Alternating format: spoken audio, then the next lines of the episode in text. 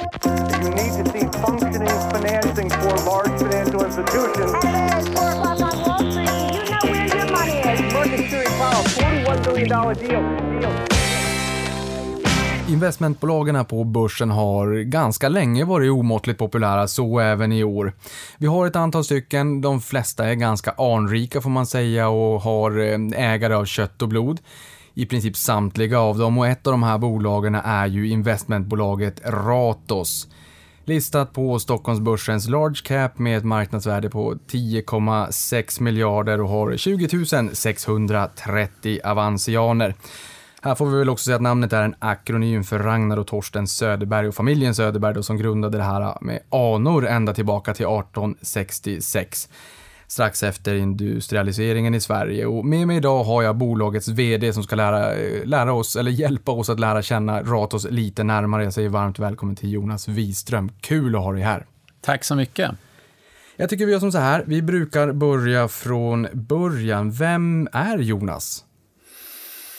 Eh, jag är faktiskt född i Stockholm eh, 1960 och eh, gick eh, i skolan på KTH. Eh, började i industrin, eh, inom försvarsindustrin. Först några år på Philips Defense Electronics och sen var jag sju år inom Saab-Scania.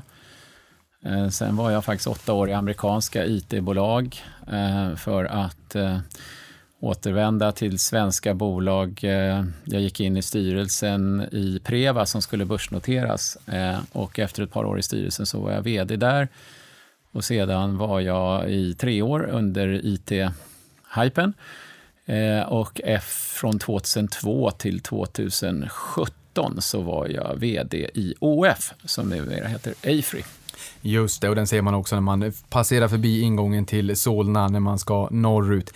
Men jag tänker så här, IT-bolagen, jag måste ändå bara fråga, det är klart vi hade en eufori och sen så vart det dotcom-bubblan, men, men där föddes ju väldigt mycket som vi faktiskt åtnjuter och skördar frukterna av idag något sånär.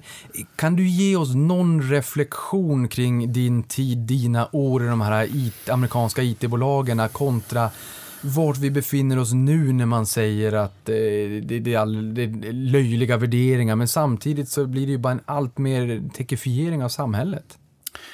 Ja, men det stämmer. Alltså, min reflektion, och det gäller väl egentligen inte bara IT, men nya saker tar längre tid att slå igenom än man tror och gamla saker håller i sig längre än man tror. Eh, det är väl en, eh, en, en sammanfattning. IT är ju på något sätt inte en bransch längre, tänker jag, utan IT finns ju i allting, från produktionsanläggningar till retail till eh, det är lite grann som när elektriciteten kom. Jag menar, det finns ingen, möjligtvis de som producerar elektricitet, men annars, det är en given i, i all verksamhet idag. Den genomsyrar hela samhället. Ja. Jag tänker, liksom, hur landade du som, dels hur kom du in i, jag vet inte om man kanske kan säga finansbranschen, men, men för du sa ju OF, eller ja. hur uttalar man det nya? Afry tror jag. Afry, ja exakt. Ja men ändå finans och liksom, eller, eller som, som uh, företagsledare. Och hur, hur därifrån och hur landade du som vd på Ratos? Ja, det är en bra fråga. Alltså, jag såg ju inte framför mig själv eh, eh, när jag gick ut tekniskt som att jag siktade på att bli företagsledare, utan eh, det var väl ett intresse för människor som uppstod väldigt tidigt eh, i min karriär. Att, eh, jag hade ju en teknisk utgångspunkt och hade väl hört på föreläsningar att det är viktigt att få människor med sig och sådär. Men man måste uppleva det själv. Jag började med ett automationsprojekt eh, som mitt exjobb och i en verkstadsindustri och, och, och, insåg att jag skulle inte klara det här utan att eh, Eh, eh, övertyga för, eh, operatören, förmannen, metallklubben. Och eh, vid fikabordet så satt man och pratade om hur man skulle minska ställtiderna. Chefen satt inte med vid fikabordet. Jag tänkte väl lite kanske naivt att om jag skulle bli chef här så skulle jag göra som de sa vid fikabordet, för de jobbar ju med det och sådär. Så att, så att det kom ganska tidigt och jag fick faktiskt mitt eh, första vd-jobb eh, när jag var 29 år gammal som var ett litet obetydligt eh, bolag inom Saab Scania-koncernen som, som den hette på den tiden. Eh, sen, sen dess har det varit det och eh, har jag haft eh, jobbat egentligen i företagsledande positioner hela tiden. Din andra fråga, hur jag kom in i det du kallar finansbranschen eller investmentbolag. Ja, det är så mycket annat i livet tror jag, en tillfällighet. Eh, eh, Eh, jag blev kontaktad eh, av Ratos valberedning och av ägarfamiljen eh, som undrade om jag kunde tänka mig bli ordförande i Ratos. Jag tror att en av deras utgångspunkter var att man ville förändra Ratos och att jag hade ju skaffat mig en ganska stor erfarenhet av företagsförsäljningar och eh, företagsförvärv i det jobbet. Vi gjorde nog under min tid över 60 förvärv i alla fall som var av den storleken så att vi pressreleasar om och, och, och ett antal försäljningar. Eh, men jag kan villigt erkänna att private equity-modellen så som Ratos fungerade då var ju någonting som jag behövde studera närmare. Sen var väl min slutsats ändå att eh, private equity då, 2015, när jag fick den här frågan, handlar ju ändå mindre om financial engineering och mer om eh, bolagsbyggande egentligen. Visst, transaktionsintensivt, eh, eh, eh högt gerat, men i grunden handlar det om att utveckla bolag och, och, och eh, det, det, tycker jag att jag har en hygglig erfarenhet av i olika branscher. Men tycker du att det är mer finansiell alkemi, mer finansiell akrobatik i private equity-bolag idag jämfört med då?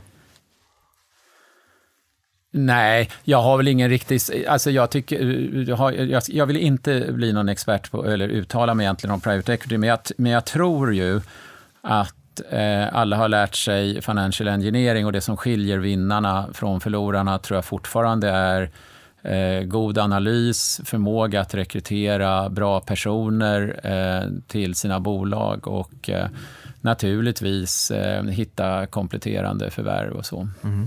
Du sa ju att du kom in som ordförande och det gjorde du 2016. För många är Ratos, eh, en gång i tiden i alla fall, var ju synonymt lite grann med Arne Karlsson under millennieskiftets heydays och den svarta lådan och, och multipelarbitraget och man tog hissen upp till Ratos värdering på börsen och köpte billigare utanför och sådär. Eh, du kom in som ordförande 2016 och sen blev du VD 2017. Hur har du transformerat och hur, eh, eller åtminstone att det pressmeddelades, marknaden fick kännedom om det 2017? Ja, just det. Det var väl i slutet på december där, så att eh, man kan väl säga att jag började i årsskiftet 17-18. Ja. Mm. ja. Hur, vad har hänt? Hur har du transformerat Ratos sen du kom in i bolaget 16? Ja, alltså vi, när, när, eh, när jag började mitt första kvartal, eh, Q1 2018, då hade vi 13 bolag och det var tre av dem som hade bättre resultat än ett år innan, trots att konjunkturen var väldigt god. Så att eh, marsordern var väl att eh, Eh, nu får vi jobba upp det vi har innan vi återvänder till transaktioner. Eh, och det tror jag var väldigt viktigt. Eh, det har ju varit en omställning från ett börsnoterat private equity-bolag till eh, en bolagsgrupp eh, idag, eh, om man ska tala med strategi. och, och där kommer vi nog att förbli. Och eh, de här två och ett halvt åren har vi ägnat oss väldigt mycket åt eh, operativt gnet eh, som har börjat med att tillse att vi har rätt ledningar i bolagen. Och det är vds ansvar att utse en bra ledning. Eh, och vi har bytt väldigt många vd Vi har bytt eh, eh, nästan alla ordföranden och eh, vi har en annan governance-modell idag än vad vi hade tidigare. Vi ligger mycket närmare bolagen utan att, så att säga, eh, min, alltså, vdn är fortfarande verkligen vd för sitt bolag och det tror jag är oerhört viktigt. Men uppföljningen, nätverken har stärkts betydligt. Så inte den här överrocken utan snarare frihet under ansvar att det ska levereras men att man, det är mer av den decentraliserade modellen låter det som. Verkligen. Eh, eh, Vi är ju av uppfattningen att det allra viktigaste vi gör det är att tillsätta rätt vd och du får inte rätt vd om de har en överrock och man talar om för dem vad vi ska göra.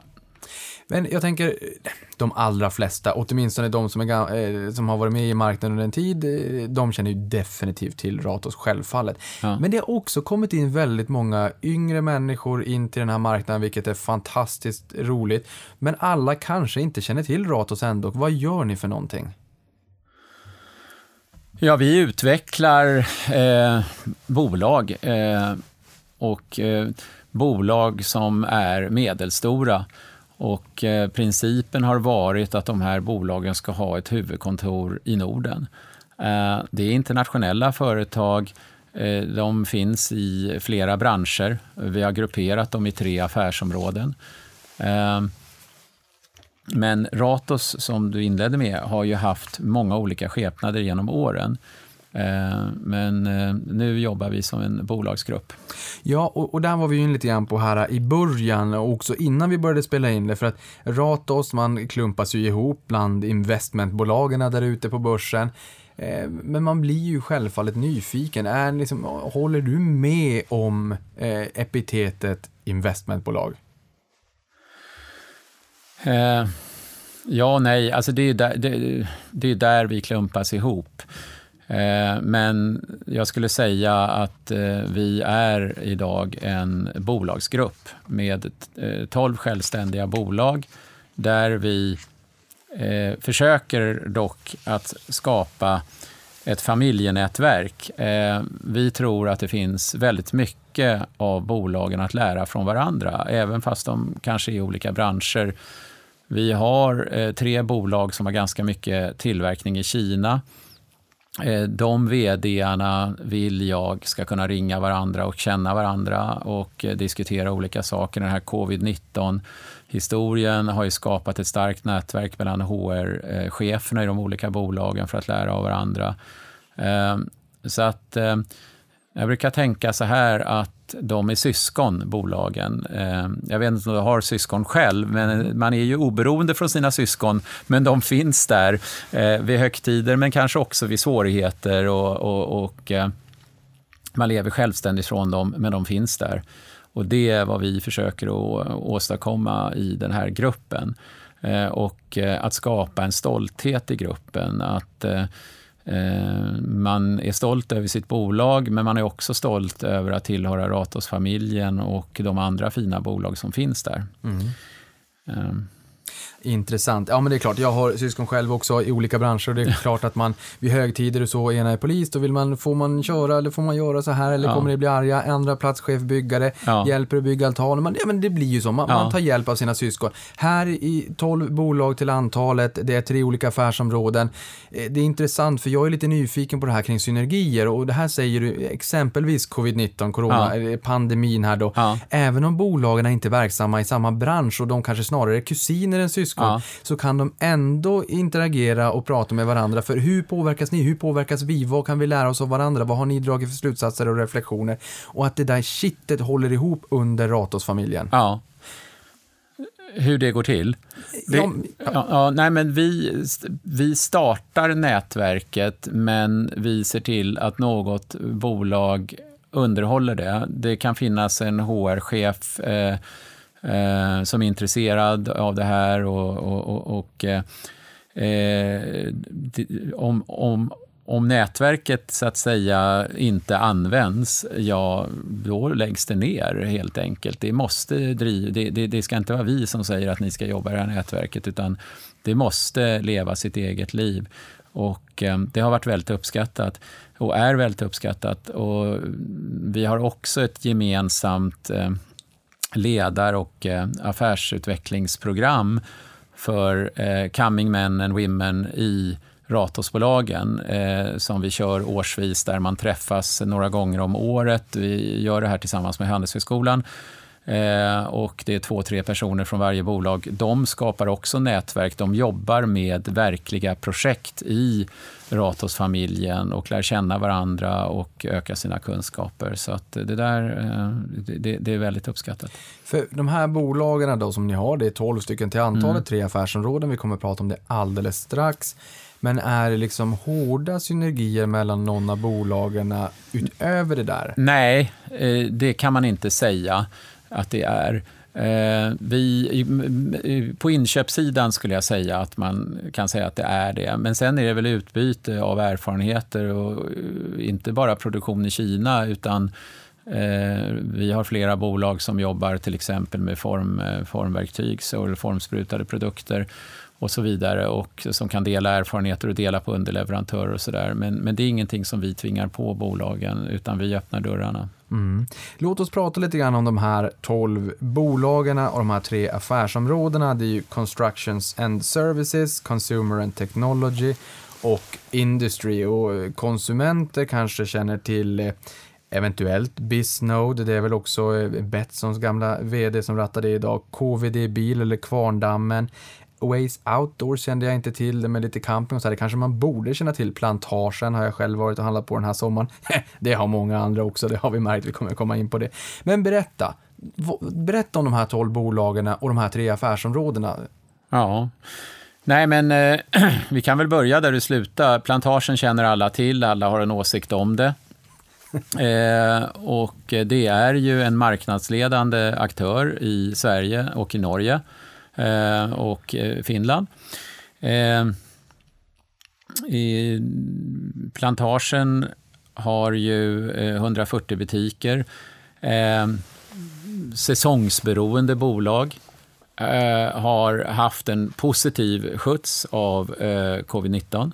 Men Eh, vi har en ny företagsledning på plats som är beprövad eh, med en vd som vi känner mycket väl sen tidigare. Eh, och eh, jag tror att den här pandemin ha, kommer att ha några bestående effekter och jag tror att intresset för hur man har det hemma i sin trädgård eller i sin balkonglåda kommer att finnas kvar. Eh, precis som andra saker vi har lärt oss, eh, tror jag, under den här pandemin. Men, men eh, precis som du säger så har har vi haft eh, hjälp av det här, men det är väldigt mycket annat som håller på att förbättras i plantagen och jag tror att du som kund kommer att se det nästa år. Eh, att eh, veta att vd vill lyfta varumärket betydligt i plantagen. Ja, för där får man väl säga att plantagen har väl också varit föremål för diskussion, att det har varit lite jobbigt och det har ju varit i en del av era bolag också. Ja, ja. Och det kommer vi att komma in på mer. Ni har haft eh, sju sju plus tuffa år i Ratos. Mm. Eh, och men, men du har också uttalat dig om att ni har börjat få rejält vind i seglen. Så att vi kommer att eh, försöka få en känsla för vart mm. vi befinner oss nu och framåt. Men, men vilket affärsområde är störst och vilket är lönsammast? Vilket växer snabbast? Hur skulle du karaktärisera dem? De är ganska olika. Eh, det, störst, alltså eller tänker ni än så? Nej, alltså vi, vi tänker ju på Ebita. Eh, och eh, jag vill bara kommentera Waste Outdoor så att du inte känner till dem när vi var på Consumer Tech, för det, det är ju vårt minsta bolag. Ja, eh, de eh, omsätter några hundra miljoner och precis som du är inne på jobbar med camping i, i dels familjecamping, stora tält, dels eh, mera eh, vad ska vi säga, alltså kajak, bergsklättring, eh, fjällvandring, den typen av, av eh, med, eh, tält för, för friluftsmänniskor och, och det har blivit väldigt populärt. Och sen har de de enklaste campingtälten. Väldigt populärt under coronapandemin. Säkert stort förändrat beteende och intressen framåt för de som får testa på det och kanske få blodad tand sommaren 2020. Det, det tror jag. Nu kan man ju säga att 2020 där var ju i princip de flesta butiker stängda. I många länder så stängde man ju eh, i princip alla butiker utom livsmedelsapotek.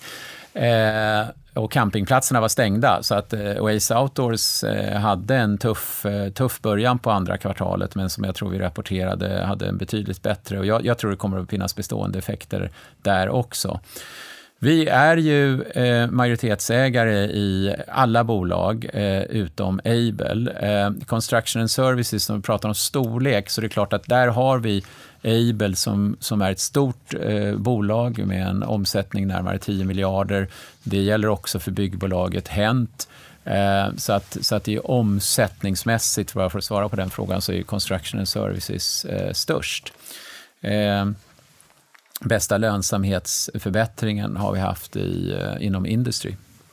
Finns det något bolag som sticker ut lite grann där ni känner att det här skulle kunna bli en rejäl stjärna? Och nu är det viktigt också att poängtera att det är inte så att jag försöker veta vilka bolag som inte har potential, utan alla har ju förmodligen potential. Men är det någon som sticker ut extra mycket? Det har ju skett en kraftig förbättring i, i, i, i princip alla bolag och eh, under det första halvåret så var 11 av 12 hade en bättre lönsamhet, eller bättre vinst ska jag säga, än, än, än året innan. Eh, jag vet, inte, jag vet inte om jag vill utnämna några stjärnor här. Eh, vi, har, vi är stolta över alla bolag. Den, det bolag väl som har gjort den största turnarounden, det är väl Diab som ju hade väldigt svaga resultat, haft väldigt volatila resultat och en hög skuldsättning. Eh, eh, Diab har ju utvecklats oerhört positivt eh, under Tobias Hans ledning som har varit inne i eh, två år nu. Eh, så att om jag ska tvingas välja något bolag eh, så kanske det är det. Men, men vi har ju sett en fantastisk förbättring i flera bolag. HL Display, TFS, Plantagen eh, som vi nämnde, KVD, Speed. Eh, Eh, det är många bolag som har utvecklats väldigt kraftigt positivt. Jag brukar ju säga att eh, man kanske helst inte vill ha en sumobrottare på relingen på en liten eka, att de småsparare hos oss, att man har en, en god riskspridning, kanske 10-15 aktier i 5-6 olika branscher. Det här är något som aktiespararna brukar säga, ni har ju 12 i dagsläget. Ja. Har ni någon sumobrottare på relingen, alltså någon, något, in, något bolag som växer, liksom växer, men som väger blytungt i den här uh, Ratos-familjen som du pratar om? Nej, men vi har några som betyder mycket.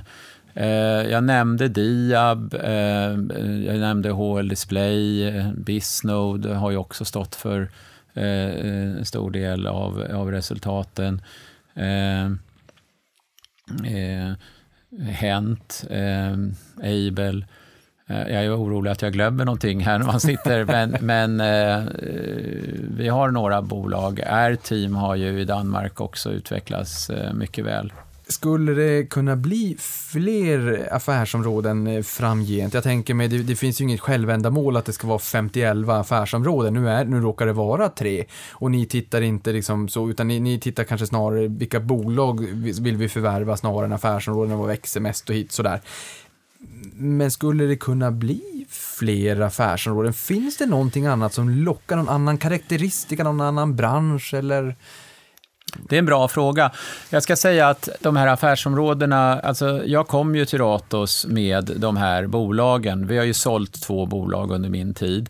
Eh, men, men det här är de bolagen vi hade och det här är ju ett sätt eh, för oss att försöka gruppera in de här bolagen som jag påstår har köpts eh, opportunistiskt. Och, och, jag säger inte något negativt med det, utan det har ju inte funnits eh, någon branschstrategi tidigare.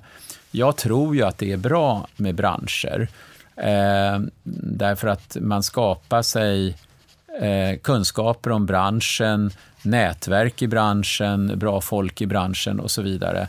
Men, men de här affärsområdena, de, de har vi konstruerat för att på något sätt få en tydlig styrning av de här olika bolagen. Så att, eh, eh, kan det komma någon ny bransch? Ja, det går inte att utesluta, men, men jag tror att vi ska undvika att ge oss in i nya branscher. Eh, vi har byggt upp och bygger upp en hel del kunskap om de här branscherna som de här bolagen verkar i. Så det är det som ligger närmast till hands när det gäller nya investeringar.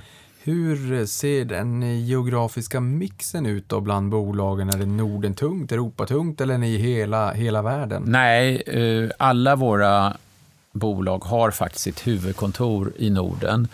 Och eh, Sverige är ju eh, det land som har flest bolag och sen kommer Norge och sen kommer Danmark och i Finland har vi faktiskt bara ett bolag som har huvudkontor där. Eh, jag, jag, jag, tror inte det är fel att ha närhet till huvudkontoret. Eh, I en framtid när man kanske har fördjupat sina vertikaler, så att säga, sitt branschkunnande, så tror jag nog att det är ingen regel som står skrivet i sten, men jag tror inte den har varit så dum så här långt. Flera av bolagen är ju väldigt internationella, eh, men huvudkontoret är i Sverige, eller i, i Skandinavien. Norden, får jag säga. Så även om de har sitt hem här i Norden, är det en, en majoritet eller överväldigande del av försäljningen i de här bolagen i dagsläget som deriveras från no Sverige, Norden? Eh, eller har de, liksom, har de gjort den här internationaliseringsresan och är det ens intressant i de här bolagen? Eller är de så Jag tror att om man vänder på frågan och ser vilka jobbar bara i Norden så eh, gäller det eh, Air Team, Able, Speed Group, eh, KVD eh, och eh, Plantagen. Alla andra bolag jobbar på en internationell marknad. Ni har ju 12 bolag i portföljen efter att ha avyttrat Gudrun Sjödén Group och Götul. Eh, och faktum är att man får backa ända bak till 2016 då för att hitta förvärv. 2016 kom du in som ordförande Eh, och sen då eh, årsskiftet som du sa då 17-18 blev du VD för Ratos. Och det här var ju ett år som var eh, transaktionsrikt kallade ni det för med Airteam, eh, Ways Outdoor som vi fick lära känna nu här lite grann. Gudrun Sjödén Group, Serena Properties slutfördes då, ehm, Plantagen kom in då också. Men eh, 2016 såg ni er som ett investeringsbolag som förvärvar, utvecklar och säljer onoterade nordiska bolag, mycket transaktioner. Eh, Medan ni nu, precis som du har varit in på, då, utvecklar medelstora bolag med kontor i Norden som är eller kan bli marknadsledande. Då. Och jag tror att vi har varit in lite på det här, ah, men jag tänker vi, vi slår, slår vi, vi, en gång för alla. Ni är alltså inte det här bolaget ni en gång har varit, förvärva, förädla transaktioner, utan ni är ett förvaltande bolag eh, i dagsläget, den här bolagsgruppen som du pratar om. Det stämmer. Eh det stämmer absolut. Men det, det är också så att eh, alla bolag eh, kommer säkert inte att vara en del av Ratos framåt.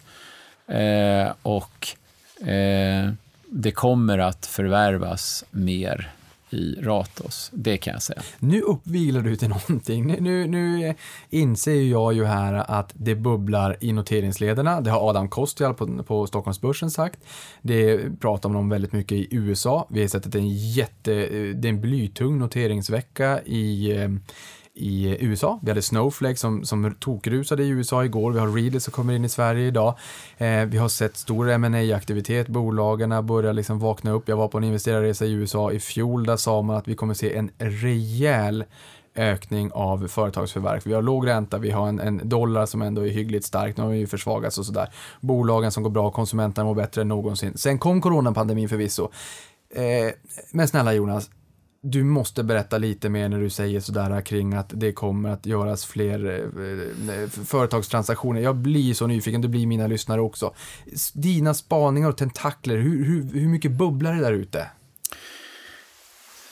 Ja, jag talar inte om vad vi ska göra imorgon eller i år eller nästa år, utan jag talar ju om ett, ett, ett perspektiv här på längre sikt. Vi har kommunicerat att eh, vi eh, kommer att vara en bolagsgrupp som består uh, av kanske ett färre antal lite större bolag eh, snarare än många små. Det finns ju den typen av bolagsgrupper också som vi ser i, i, i andra bolagsgrupper, också noterade. Men eh, om jag ska kommentera transaktionsmarknaden så hör väl jag det du hör, att, eh, att transaktionsmarknaden har pignat till här efter sommaren faktiskt. Eh, både i Sverige och, och annorstädes, så att säga.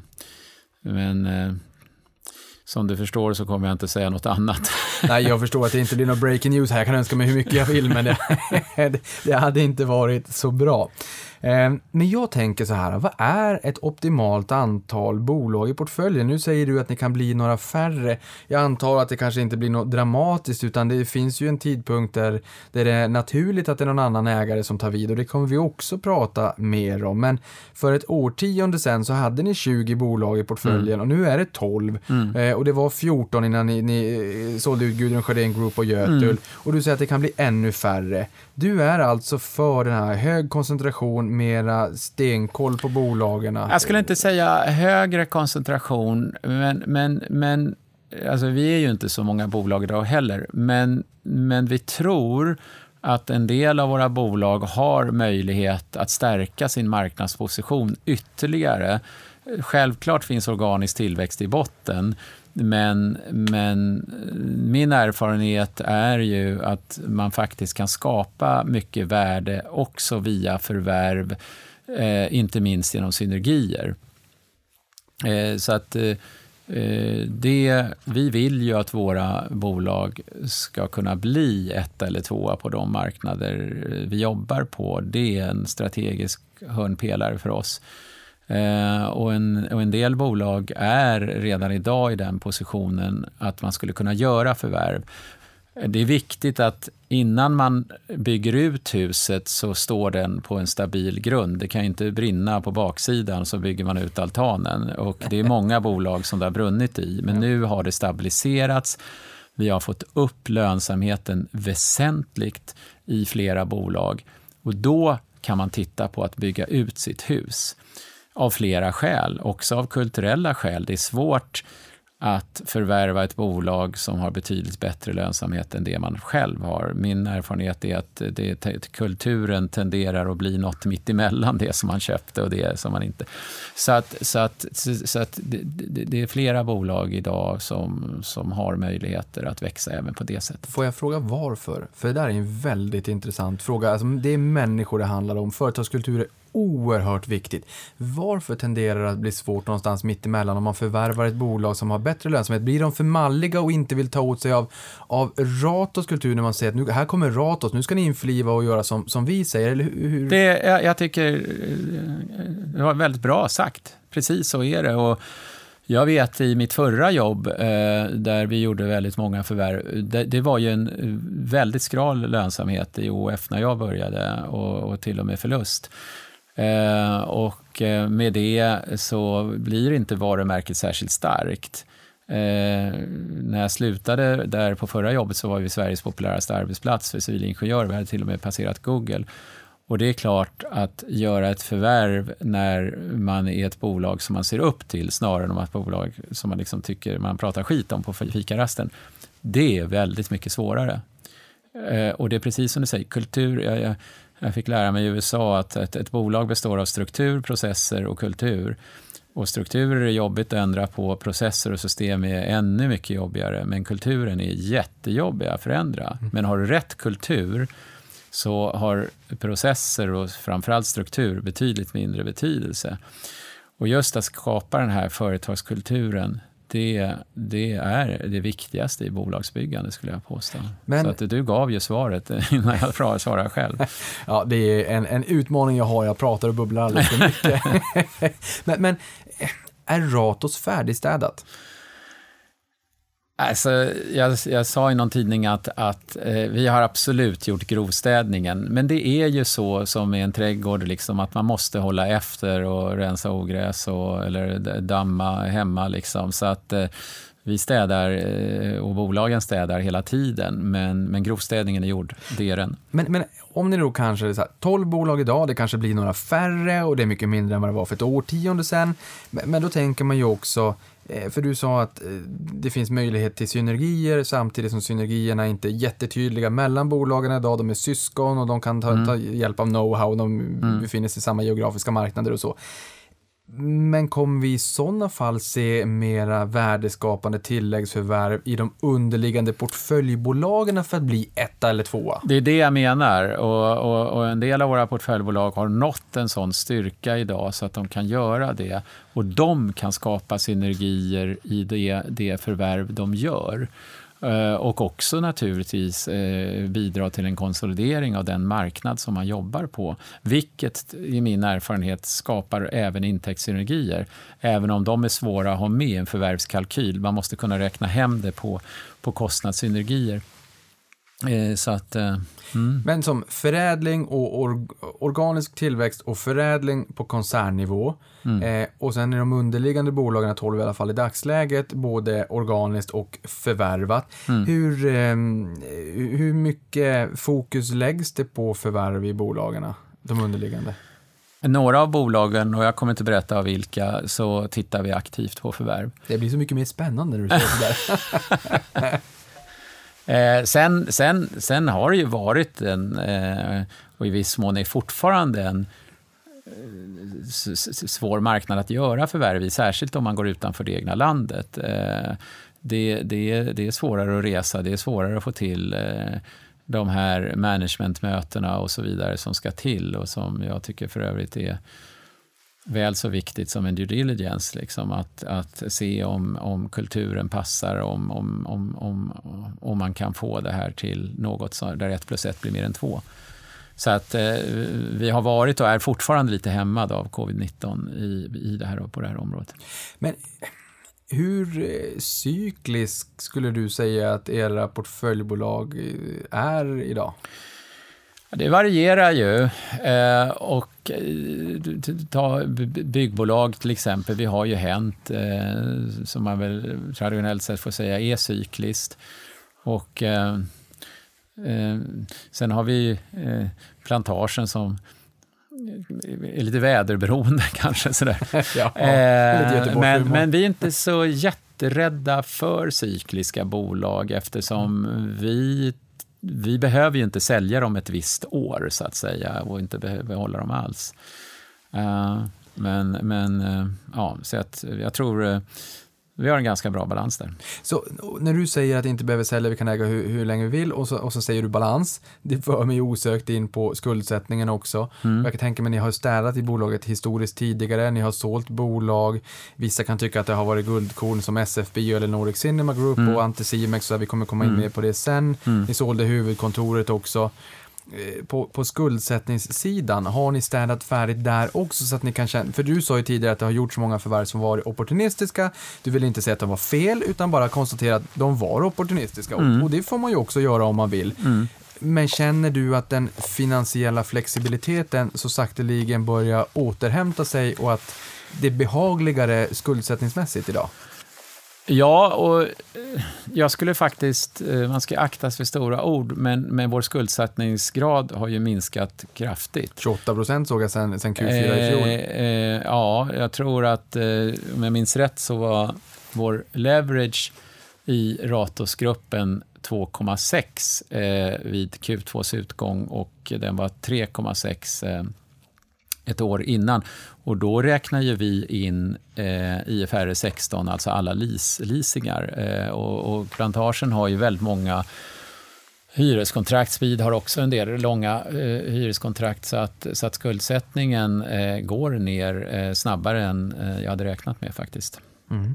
Vad är ett, ett typiskt eh, Ratosbolag? Ratos-bolag? Nu har vi pratat en del om bolagen och sådär och jag var väl lite nyfiken här på karaktäristikan för förvärv. Nu har jag ju insett att det kanske inte blir förvärv på koncernnivån utan snarare i de underliggande eh, bolagen då som man äger.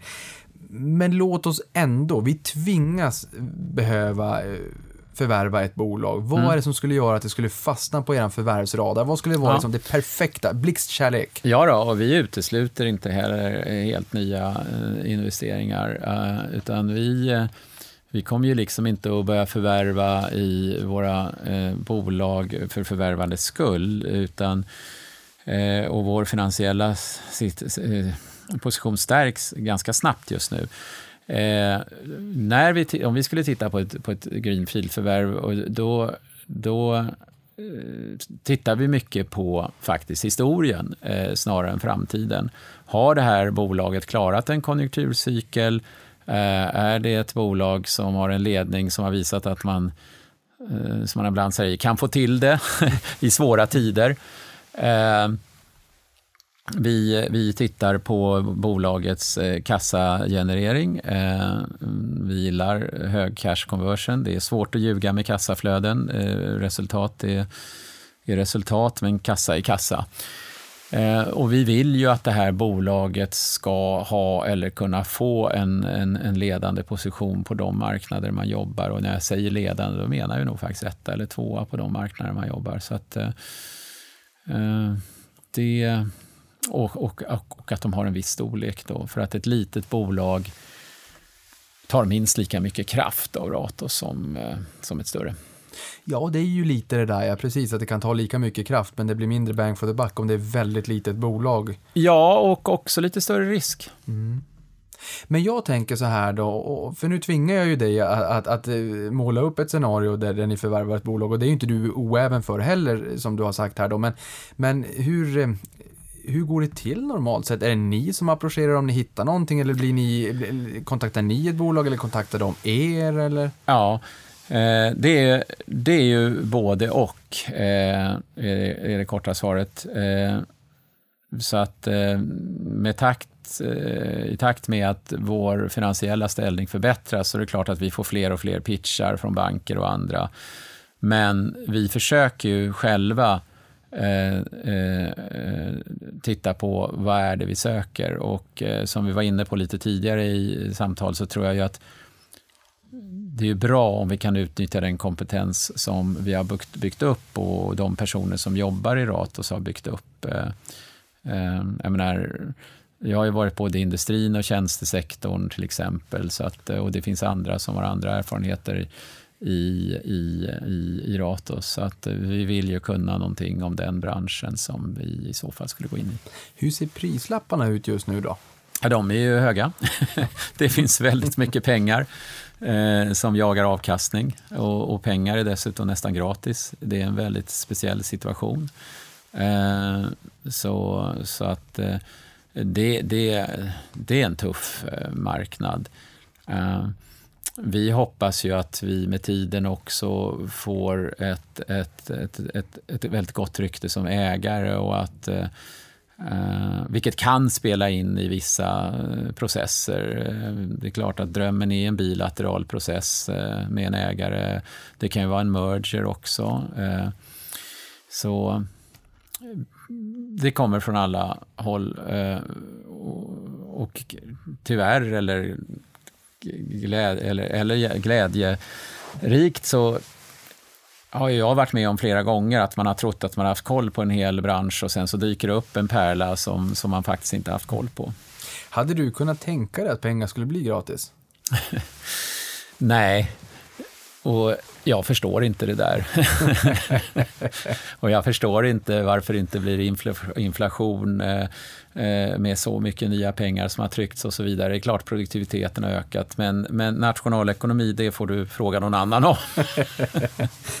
men, men jag tänker, för det tror jag ganska många kan vara lite, eh, lite nyfikna på hur en investeringsprocess går till från eh, ax till limpa. Från att ni får nys om någonting till att ni kritar på papperna till att allting är klart. Ja. Ja du. Eh, I kort format. ja, det, även det eh, kan ju vara väldigt olika beroende på, liksom, är det här ett bolag som har en, eh, en stark ägare, så, eller är det här ett eh, Eh, en noterad eh, carve-out. Eh, det är så oerhört olika hur processen börjar. Ibland kan det ju vara en, en, en, en bank som bjuder in en i en strukturerad process. Så det finns alla typer, men, men jag tror igen att det viktigaste är att titta på historien och titta på matchen. Titta på att, att innan man gör ett förvärv, att man faktiskt, om, om det till exempel är ett tilläggsförvärv, att man innan man skriver på SPA eller kanske LOI så vet man hur den nya organisationen kommer att se ut. Man vet vilka människor som ska sitta där och, och var synergierna ska tas. Och, och, eh, det här kan ju vara besvärligt i strukturerade processer, eh, men, men det är otroligt viktigt. Eh, så att man inte får en, en eh, stor dipp genom att nyckelpersoner slutar och så vidare efter ett förvärv. Ja, här är det ju också lite intressant, det, det där är väl förmodligen lite grann av skärmen också, att det ser lite olika ut Mm. och att det inte liksom blir monotont så att säga. Men SPA och LOI, eh, för, för lyssnarna här som Ja, förlåt, aktieägaravtal eh, och, eller, eller det mjuka, liksom, eh, eh, att man skriver en, en avsiktsförklaring. Förlåt. Eh, men där tänker jag också då, eh, coronapandemin har ju påverkat många bolag väldigt mycket i år. Vissa har blivit rejäla eh, pandemivinnare. Du som sa, du pratade ju här i början om att du var inne i IT-bolagen i, i början av din karriär. De har ju blivit dramatiska vinnare och flyttat fram positionerna flera år. Men hur har era bolag eh, klarat sig? Nu var vi in lite grann på plantagen, där Ja. har, har man varit hemma och påtat på mycket, men, men överlag, hur har de klarat sig i pandemin? Alltså, överlag skulle jag säga att de har klarat sig väldigt bra. Och vi, vi, jag tycker de har varit duktiga. Alltså, vi la ju om fokus eh, väldigt tydligt till säkerhet, likviditet och resultat i den ordningen. Och Ehm, jag tror man kan konstatera att vårt stora fokus på likviditet har faktiskt skapat resultat. Eh, och eh, jag tror att generellt sett så kommer de flesta bolagen när man kommer ut ur det här vara mer effektiva än innan. Eh, men Eh, bolagen har drabbats eh, väldigt olika och som sagt plantagen har, har nog eh, snarare haft en fördel. Eh, och en del har påverkats relativt lite. Jag pratade om Diab förut som, eh, som ju där covid-19 först slog till i fabriken, fabrikerna i, i Kina. Nu har man covid-19 i USA där vi också har fabriker i Diab. Jag tycker man har varit otroligt skicklig på att hålla de här fabrikerna igång eh, utan att rucka på, på, på säkerheten för de anställda.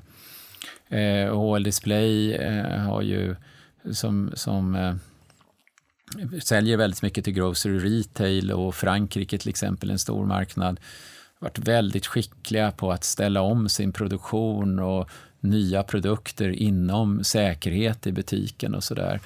Eh, men, men, men, men har ju drabbats omsättningsmässigt eh, så här långt, men inte resultatmässigt faktiskt. Men jag blir så nyfiken för att eh, coronakraschen på börsen Ja. varade ju, nu, nu har ju inte ni, eh, ja nu har jag inte bolagen framför mig, men jag tror väl i princip inget är börsnoterat va?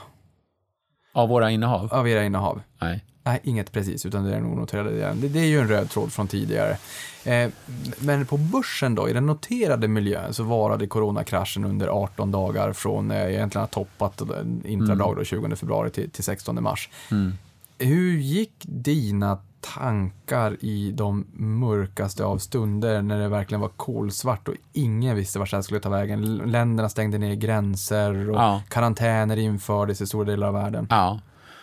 Nej, det, nej, det var ju, jag var verkligen orolig och, och fokuset var ju väldigt mycket på, på just likviditeten här. Och ska vi dra fullt på alla checkkrediter här och ska vi skaffa oss eh, ytterligare rörelse eh, krediter, kanske till och med på, på, på, på Ratos nivå. Vi har ju en finanspolicy som säger att, att bolaget ska inte vara skuld, eh, moderbolag ska inte vara skuldsatt utan vi ska ju klara eh, ett antal år utan, utan, utan några tillskott från våra bolag och kunna köra vår organisation. Och så där. så att, äh, det var väldigt oroligt. Eh, men eh, det här fokuset och vi satt på eh, helger och kvällar och räknade likviditet i alla bolag och eh, när vi hade gjort det och eh, vi legat enormt nära bolagen här eh, så kände vi oss nog ganska eh, mycket lugnare efter någon månad eller så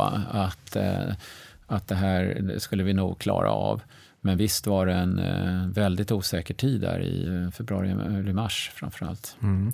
På Arnes tid, där, så, som vi var in på här i början, så pratade han om den här svarta lådan, om multipelarbitraget, att man förvärvade bolag med låga multiplar och sen tog man värderingshissen då upp till Ratos multiplar på börsen. Nu har vi som du sagt förstått att nu finns det inga låga multiplar och pengar är gratis och vi ingen av oss kan riktigt förstå exakt hur det kan se ut så här. Men eh, hur skapar ni värde i Ratos-bolagen idag? För nu är det en helt annan approach. Då var då och nu är nu. Och ni har något som heter Ratos Principles också. Hur, hur skulle du förklara liksom värdeskapandet? Jag tror det mest eh, värdeskapande handlar, som, som vi har gjort, det är att eh, dels minska kostnaderna och ändra kompetensen i vår egen organisation. Alltså Ratos eh, eh, har en helt annan kompetenssammansättning än på den tiden man var väldigt transaktionsorienterade. Sen har vi lagt stort fokus på, att, som jag sagt, att ha rätt ledningar i bolagen. Sen följer vi upp eh, resultat. Eh, och eh, alltså, det man mäter blir bättre. Eh, och då får man inte mäta allting. Utan vi sitter med bolagsledningarna efter varje månadsresultat och går igenom resultaträkning, eh, balansräkning, kassaflöde, ställer frågor, eh, ber om prognoser, följer upp prognoser. Eh, och eh, det är värdeskapande. Och eh, de här principerna kommer inte heller bara från mig och mitt team, utan eh, Eh, jag har en grupp med vdarna i de här bolagen där vi diskuterar värdeskapande tillsammans med dem eh, för att eh, fastställa vilka principer som gäller. Vi, vi har principer från stort till smått. En är till exempel det här med decentralisering, att trycka ut resultatansvar så långt det går i bolagen. Vi, vi, vi säger till och med att vi tycker att en bolagsledningsgrupp ska ha en majoritet av rörelsedrivande personer i, så att man inte har bara stabspersoner och affärsutvecklare och sånt där. Eh, det, det, det är viktigt. Eh, eh, så att de här principerna är viktiga och, och eh, de har också tagits fram tillsammans med vdarna i, i bolagen och bolagsledningarna. Ja, för där var jag lite nyfiken liksom på hur det märks att, att eh, just ni är ägare, alltså hur det märks i era portföljbolag. Och du har ju varit in en del på det och nu har vi förstått att man kanske har gått inte centraliseringsspåret utan mera decentraliseringsspåret. Jag vet inte Jonas, rätt om jag har fel. Min magkänsla är att det har varit en vinnande strategi för ganska många bolag på börsen under ganska lång tid, just det här med decentralisering. Eh, men också nyckelpersoner säger du, det är viktigt att få dem att, man vill ju inte vara en överrock eller en hök, men samtidigt få dem att, jobba stenhårt mot samma mål. Och då blir man ju också nyfiken med incitamentsprogram och hur man Ja. får människorna att stanna och jobba mot samma mål. Ja. Nej, men eh, det är också en bra fråga. Jag tror ju att en bolags-VD, och jag går väl till mig själv lite grann också, att du sitter ju inte och funderar så mycket på ditt incitamentsprogram när du jobbar, men jag tror att när man anställs och inser att börjar man hos oss så kan man få en del av värdeskapandet förutom i lönekuvertet utan genom att man själv investerar i verksamheten och kan få eh, eh, en, en, en mycket större avkastning än bara lönen om det går bra. Det tror jag är ett jätteviktigt verktyg som man kan säga att vi har tagit från private equity-världen eh, för att rekrytera, för att få någon att ta det här jobbet. Så att det kommer vi att ha kvar.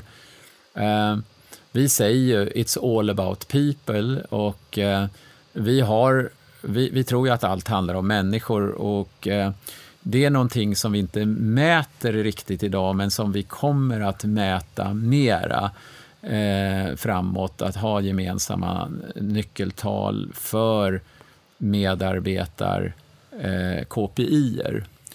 Eh, för, eh, och, och, där tror jag att alla pratar om det, men, men jag tror att vi gör lite mera. Mm.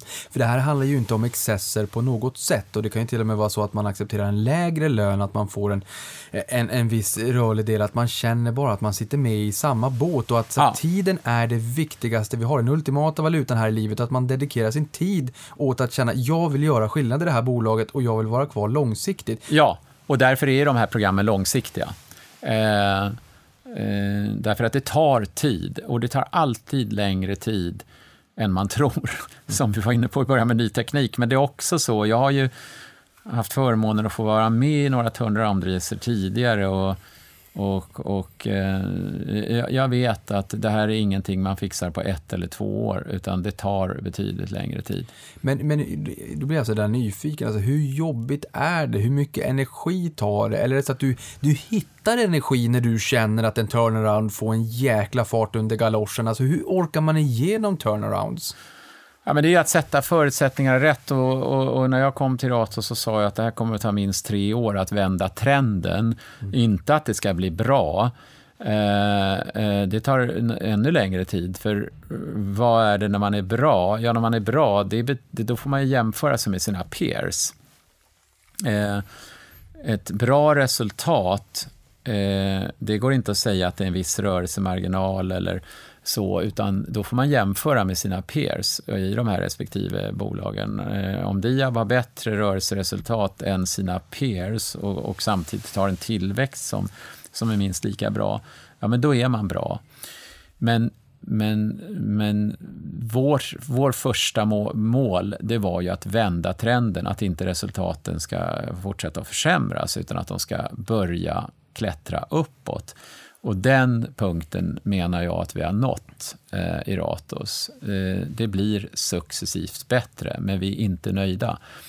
Jag gillar eh, den där tuffa perioden. Och jag brukar ibland skoja om att när det går riktigt bra, då kan man bli orolig, för då vet man liksom att nu kan det komma någonting här. Och, och det kommer alltid motgångar, men det gäller ju att liksom majoriteten Eh, har en positiv trend och en stabilitet som gör att man kan ta de här snytingarna som alltid dyker upp. Ja, för du har ju gjort en del turnarounds, det hör man ju här, och du har eh, över 60 förvärv innanför rocken. Du, du, du har ju en, en viss erfarenhet får man säga. Innebär det att du skulle kunna skulle du kunna tänka dig att på koncernnivå, att om ni köper in ytterligare ett bolag eller eh, adderar ytterligare ett affärsområde, orkar du med att det skulle vara en turnaround? Eller kan du hjälpa till att bistå med de underliggande bolagen, att de gör förvärv eller tilläggsförvärv som är turnarounds? Skulle ni kunna tänka er det? Uh, ja, uh, det skulle vi, uh, tror jag är det korta svaret. Eh, allt, alltså, vi, vi måste skapa värde för aktieägarna. Alltså, men generellt sett så är det ju tyvärr så att det som är dåligt, det är sämre än man tror och det som är bra är bättre än man tror. Och bra bolag eh, är därför ofta värda sina pengar, även om det är höga multiplar. Man ska akta sig för att vara i det där mellanområdet, där det är lite halvhöga. Sen, sen så kan man eh, köpa något som ser riktigt risigt ut, om man tror att man har kunskap eller synergier i gruppen eller någonting som gör att man kan vända det. Det finns inga enkla svar, utan det, det, det är både, både och där. Men jag tror man ska akta sig för att vara, köpa halvbra bolag. Mm. Ja, och det gäller väl även, även för er som lyssnar på det här i den, i, i, på börsen i en noterad miljö. Det är inte sällan så att bolag som är dyra är dyra av en anledning och många av de absolut bästa bolagen det senaste årtiondet har också varit, alltid mer eller mindre varit lite pikant dyra, ja. eh, inom citationstecken. Ja, det är nog en finns någon analogi där. Mm. Ja, men, men för, för, ni bytte ju vd i fyra bolag och styrelseordförande i sju bolag. Du var in på det här nyss. Eh, för när du säger att vi mer eller mindre börjar vara färdiga med, med grovgörat, ja. gäller det även rätt människor på rätt plats, eh, både på vd-post och ordförandepost i bolagen? Ja, men det kommer att såklart fortsätta att ske eh, byten säkert av olika skäl och folk kan sluta och så vidare. Och, och Eh, eh, så att, men absolut, grovstädningen är klar. Eh, vi, vi är nöjda med det team vi har nu. Ja, en naturlig succession har man ju alltid. Och som ägare, när man pratar om successioner, då, då uppviglar jag ju för mig själv då till, till nästa punkt. Och det är ju att det kan ju alltid komma en tid i, i bolags livscykel där det kan vara läge att göra en exit. Ni vill ju vara, eh, ni vill äga bolag eh, så länge ni är bästa ägare. Men vad innebär det i praktiken? Ja, i praktiken innebär det att om vi känner att en annan ägare skulle kunna utveckla det här bolaget mycket bättre, eh, eller att vi känner att nej, men vi når inte, vi kommer inte att nå den här ambitionen att bli ett eller tvåa på någon marknad, ja då kan det vara läge att sälja. Skulle ni kunna stanna kvar som minoritetsägare? Väldigt spännande bolag ni inte egentligen vill Eh, släppa. Generellt sett nej, men, men, men, men, men, men det kan finnas lägen där man har ett aktieägaravtal eller, eh, eh, eller kanske eh, ja, har ett inflytande som, som, som eh, ändå är, är, är någorlunda betydande. Men, men generellt sett nej. Nu tänkte jag eh, komma in lite grann på det här eh, ökenvandringen som ni har gått igenom och det ska på intet sätt falla någon skugga på dig självfallet och du i bolaget 16. Men eh, ni har ju gått igenom en tuff period. Redan 2010 hade koncernen en omsättning på 37 miljarder jämfört med 38 miljarder i fjol då och ebita var ju 2,8 miljarder då jämfört med 1,8 i fjol helåret 2019. Eh, under perioden är aktien ner 64 procent eh, och ni har hunnit sälja ut Nordic Cinema Group, alltså som äger då bland annat SF Bio till AMC i USA, Anticimex, som jag tjatar på min korp att jag vill ha Anticimex till börsen. Vi har ju Rollins i USA i och för sig. Och det är ju idag värt nästan fyra gånger så mycket som Ratos. Hade man haft kvar Anticimex med samma execution så hade det inte varit 10 miljarder Ratos, det hade varit 50 miljarder Ratos. Vad var det som gick snett? Ja, jag vill, jag vill egentligen inte kommentera historien. Jag, jag kan säga så här att jag, jag, tyckte att man faktiskt förvärvade väldigt fina bolag eh, eh, på den tiden och, och, och, några av dem finns ju kvar. Och, och, och, tyvärr finns väl de kvar för att de inte gick så bra. men men, men eh, det, det, jag tror att det har varit svårt att vara ett börsnoterat bolag som har bolag som är så skuldsatta så att de kan inte ge utdelning till moderbolaget. Så för att, för att moderbolaget ska kunna ge utdelning så, så är man tvungen att sälja bolag. Och, och den enkla analys som gjordes av teamen det är väl att, att det, dels hade nog Ratos en väldigt hög värdering rent generellt eh, om man tittar på några premier och sådana här saker. Men, men men sen så det är det väl bara att konstatera det som du gör, att de här bolagen, flera av de bolagen vi har sålt, de skulle varit värt mer än Ratos idag. Det enskilda bolaget som har sålt bra bolag och de dåliga har blivit kvar. Och jag tror att eh, utdelningspressen här har spelat, spelat in. Eh, gick ju fantastiskt bra och hade stort värde. Många säger ju att ni har sålt ut guldkornen och att ni har varit tvungna att göra det kanske av skuldsättningsskäl också och även huvudkontoret. Jag måste ändå bara fråga, det måste ju ha tagit emot. Har ni någon option att få köpa tillbaka det där? Nej, nej, nej, nej, eh, nej, men det tog inte emot alls och det var absolut inte för att få pengar vi gjorde det, utan säkerheten kring regeringskvarteren har höjts enormt sen egentligen eh, Breivik-historien eh, i Oslo. Eh, man renoverar ju nu Rosenbad ordentligt eh, och vi är den enda, vi sitter ju granne med statsministern, alltså vägg i vägg. Eh, det är eh, personal, eh, städare och så vidare som går in och ut på nätterna och så vidare. Och eh, det, det är ett säkerhetsmässigt problem att vara okay. kvar där. Det, det, är därför vi sålde huset, sålde fastigheten och vi kommer att lämna den här fastigheten under nästa år. Var, var kommer ni flytta då? Det... Eh, inte vi... klart eller inte, inte villiga att berätta breaking news här? Nej, det, det är inte klart. Det är inte klart. Eh, sen coronabotten så är ju aktien upp 101 procent och det här var väl, ja, 16 mars har jag ja. börsen bottnade, men där kring då för mm. Ratos också. Och till DI sa du det, vilket vi var in på här nyss, och du vågar påstå att trenden har vänt. Det är ju dels de som har övervintrat under den här perioden, det är ju det, de absolut vill höra, men även de som kanske får ett förnyat intresse och så här, aha, Ratos, vad är det för någonting? Det verkar ju som, även när man tittar på siffrorna, att det har vänt. Ehm, tar vi under 2020 så har ni lyckats växa topline varje kvartal och fått en rejäl utväxling på sista raden. Ehm, resultatet per aktie steg 71% i senaste kvartalet och 94% i kvartalet dessförinnan. Och tar man hela första eh, halvåret och så är det 7 av 12 bolag som uppvisar organisk tillväxt och 10 av 12 uppvisar resultatförbättring på ebita-nivå eh, year on year då så att säga. Vad är det som talar för att, eh, att, att, trenden ska fortsätta? Du sagt, den stora städningen är klar, du är en turnaround-vd, du har haft en erfarenhet sedan tidigare för de nu som känner, ja, Jonas, nu är vi på upploppet, nu vill vi bara införgjuta liv och mod i, vad är det som gör att så här, nu har vi lämnat det tråkiga bakom oss, det här är ett nytt kapitel? Ja, jag, jag, jag kommer inte lova någonting. Nej, det ska men, du inte göra. Men, men jag tycker det intressanta, visst, vi ökade vinsten 50 procent i, i Q2, kanske 49 procent. Eh, jag tycker det är mer intressant att vi ökade 90 procent på rullande 12, eh, resultatet. Eh, och att faktiskt under första halvåret så var det 11 av 12 bolag som presterade bättre.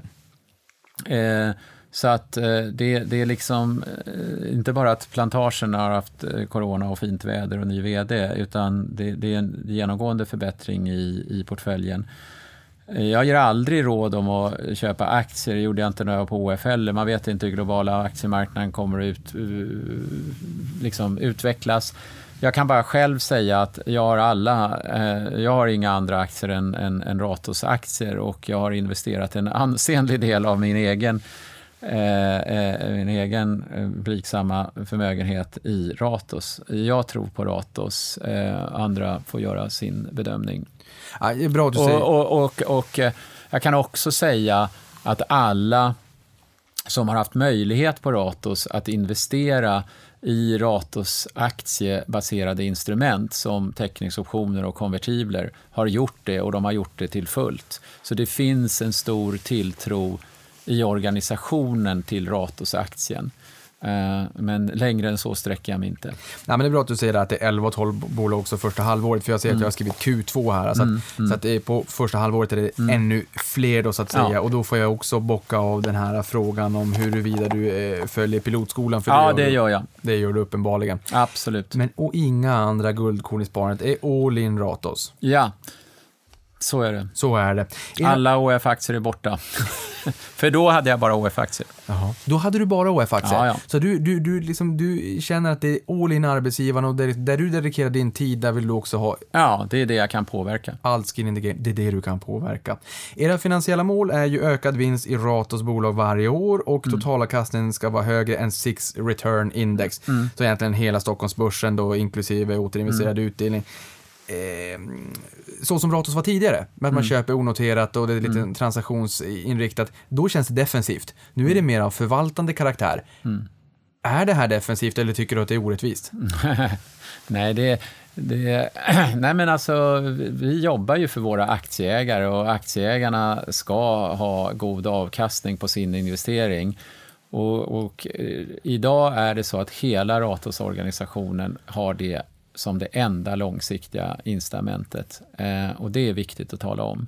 Går det bra för Ratos aktieägare, då går det bra för de som jobbar på Ratos. Det finns inga syntetiska optionsinstrument eller någonting sånt eh, som vi använder idag. Eh, så att vi är helt committade till att skapa värde för aktieägarna. Men i och med att du är all in Ratos och även att personalen har stort ägande i Ratos så är det ju bra att ni följer de här råden då från Aktiespararna, 10 till 15 aktier, för ni har ju ändå 12 bolag i portföljen. Eh, och sen så gör ju de mycket underliggande också, så att man, man får ju ändå en, en viss bredd i sin investering. Ja, det får man, ver det får man verkligen. Eh, det får man verkligen. Och det är också en spännande del av jobbet. Jag har ju varit i många branscher i min karriär, men jag har ju lärt mig en hel del, eller i alla fall lite grann, om en del nya branscher också. Det är väldigt spännande det händer ju mycket i samhället nu med nya branscher och, och digitaliseringen går ju i explosiv fart och också adaptionen. Mm. Ehm, känner du att det blir jobbigt ibland att, att liksom hänga med i, i, den snabba utvecklingen? För att jag menar, även era bolag, även fast det inte är utpräglade techbolag, bolag, Bisnode det är ju mer åt mm. datahållet självfallet, mm. men är det liksom jobbigt att vara on the, ahead of the curve om man så säger? För att nu börjar ju tech och digitalisering genomsyra även alla era bolag. Kvarndammen är ju, är ju så, såklart nätbaserat och sådär också. Ja, ja, helt och hållet. Ja, är väl det enkla svaret. Det är tufft att, att hänga med.